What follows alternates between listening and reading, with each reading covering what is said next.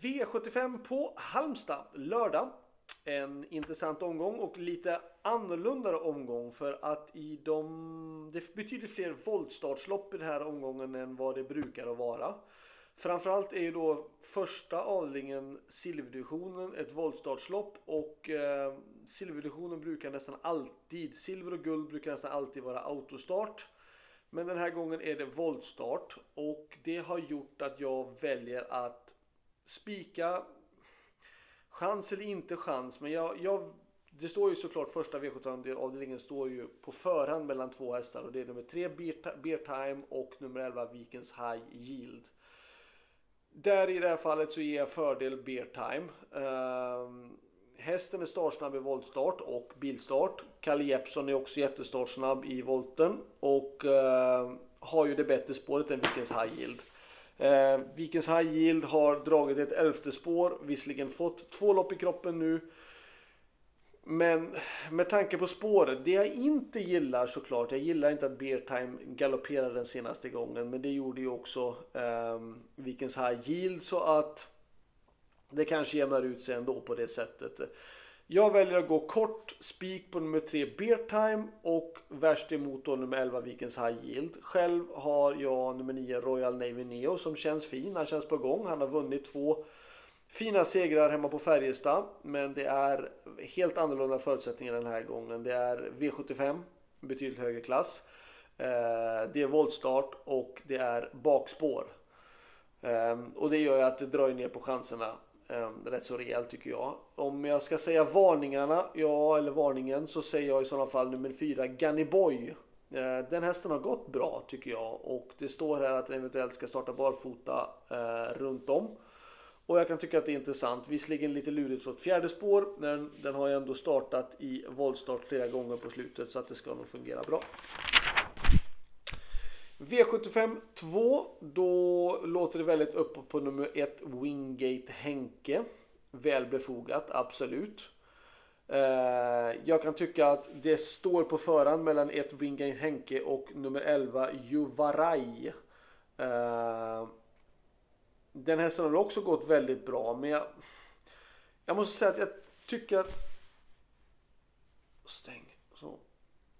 Ursäkta. Jag tycker att det här jag tycker det här loppet är jättesvårt. Ehm, um, 1 och 11 är måstehästar. Jag tycker sen där bakom att det är superöppet. Jag har själv med nummer 7 Digital Eye som känns fin. Uh, kommer pröva honom i jänkarvagn för, först, för första gången för mig. Um, som jag själv kör. Jag kan tycka att uh, visserligen lite bortlottad men han känns bra och han är en Ja, jag kan säga så här. Jag tycker det här loppet är superöppet. Ifrån tredjehandare till eh, sista häst så skiljer det inte mycket. Eh, det är jätteöppet där bakom. Så att ett är den solklara första hästen och där bakom säger jag att det är jätteöppet. Om jag ska nämna en varning och det är nummer, nummer tre, Stig Brodde. Jag tycker den gjorde ett eh, väldigt, väldigt bra lopp senast. Den höll tappert, den krigade verkligen hela vägen till mål. Den var väl i stort sett slagen men sträckte på sig otroligt bra. Eh, jag tycker Stig Brodde är en rolig, ro, rolig, en rolig överraskning i sådana fall, en varning. V75 3, storloppet och här ska vi också gardera på. Vi ska ta med nummer 2 Garza. Vi ska ta med nummer 3 Melby Happy som känns fin. Barfota runt om men det är ändå en årsdebut. Eh, 6 uh, Eye in the Sky. 7 Domingoa. Och 12 Ultra Bright. Så 2, 3, 6, 7 och 12. Ska vi ta ytterligare någon häst då säger jag vi måste ta någon i sådana fall på 20 tillägg och det är då nummer eh, 10 Dara Bibo som jag tar i sådana fall. Peter Untersteiner. Något V75-lopp kommer Peter Untersteiner att vinna på den här omgången. Det är jag rätt säker på. 2, 3, 6, 7, 12 och kanske 10. V75 4, då väljer jag att spika nummer 3 Kali Smart. Jag tycker att hon har varit ute och mött tuffa gäng. Eh, hon har gått väldigt bra, tuffare gäng än vad de andra hästarna har mött i, den här, i det här V75 loppet. Ehm, och den hon har gjort det jättebra. Ehm, jag tycker hon går ner en klass. Det är ett lärlingslopp och det är ett lopp för bara ston. Visserligen har hon varit ute i mest lopp bara för ston. Men ändå, jag tycker att hon eh, går ner lite i klass mot vad den är van att möta. Eh, så för mig är det spik på nummer 3, Kali Smart. Värst emot, eller värst emot är det kanske inte, men en varning det tycker jag är den här nummer 2, Lamoresk. Ehm, gick bra barfota runt om senast och rekordsänkte och skötte sig bra och har ett bra utgångsläge. Jag kan tycka att det kan vara pass upp på den i sådana fall. V75 5. Då kör jag nummer 4 Made of Stars. Uh, hästen har gått bra. Westholms hästar har form. Uh, den här hästen är väl absolut en häst som ska sträckas. Men jag kan tycka att det här är det mest öppna loppet i hela omgången. Och jag tycker att man ska fläta på riktigt många streck i det här loppet i avdelning 5. Jag vill ha med nummer 1 Elefant. 2 Digital Indy. 3 uh, Fromming. 4 Made of Stars. 6 Bara Du Känn. Bara Du Känn är en jättebra häst men jag ställer mig det här loppet är ändå lite grann öppet. Det är 3140 meter och det kommer nog vara positionerna som avgör. Men bara Duchenne har ruggigt hög kapacitet. Eh, en av de som har högst kapacitet i loppet, helt klart.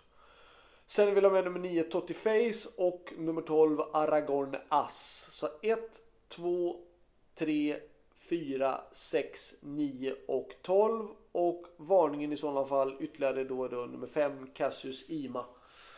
Eh, men det är öppet bakom de här. Det, det, det här loppet är jättesvårt tycker jag. V75 6. Då ska vi plocka eh, fyra stycken hästar. Vi ska ta med nummer 2 Safiro Jet. 4 Istanbul Boko. 5 Bordeaux X. Eller Bordeaux S. Eh, och 7 Zlatan Knick. Så 2, 4, 5 och 7. Eh, varningen för mig. Uh, jag ställer mig lite frågande till den här eh, Casillas häst där, nummer 6 Cinco Top. Eh, höll bra senast år i guiden. Svårt att säga, det var första starten hästen gjorde. Eh, den kanske är kraftigt förbättrad, det gäller att hålla ett öga på den. Ska man nämna någon annan då kan jag tycka att nummer 1 Upstate Face. Eh, själv var jag med nummer 9 Te Amo Corazon.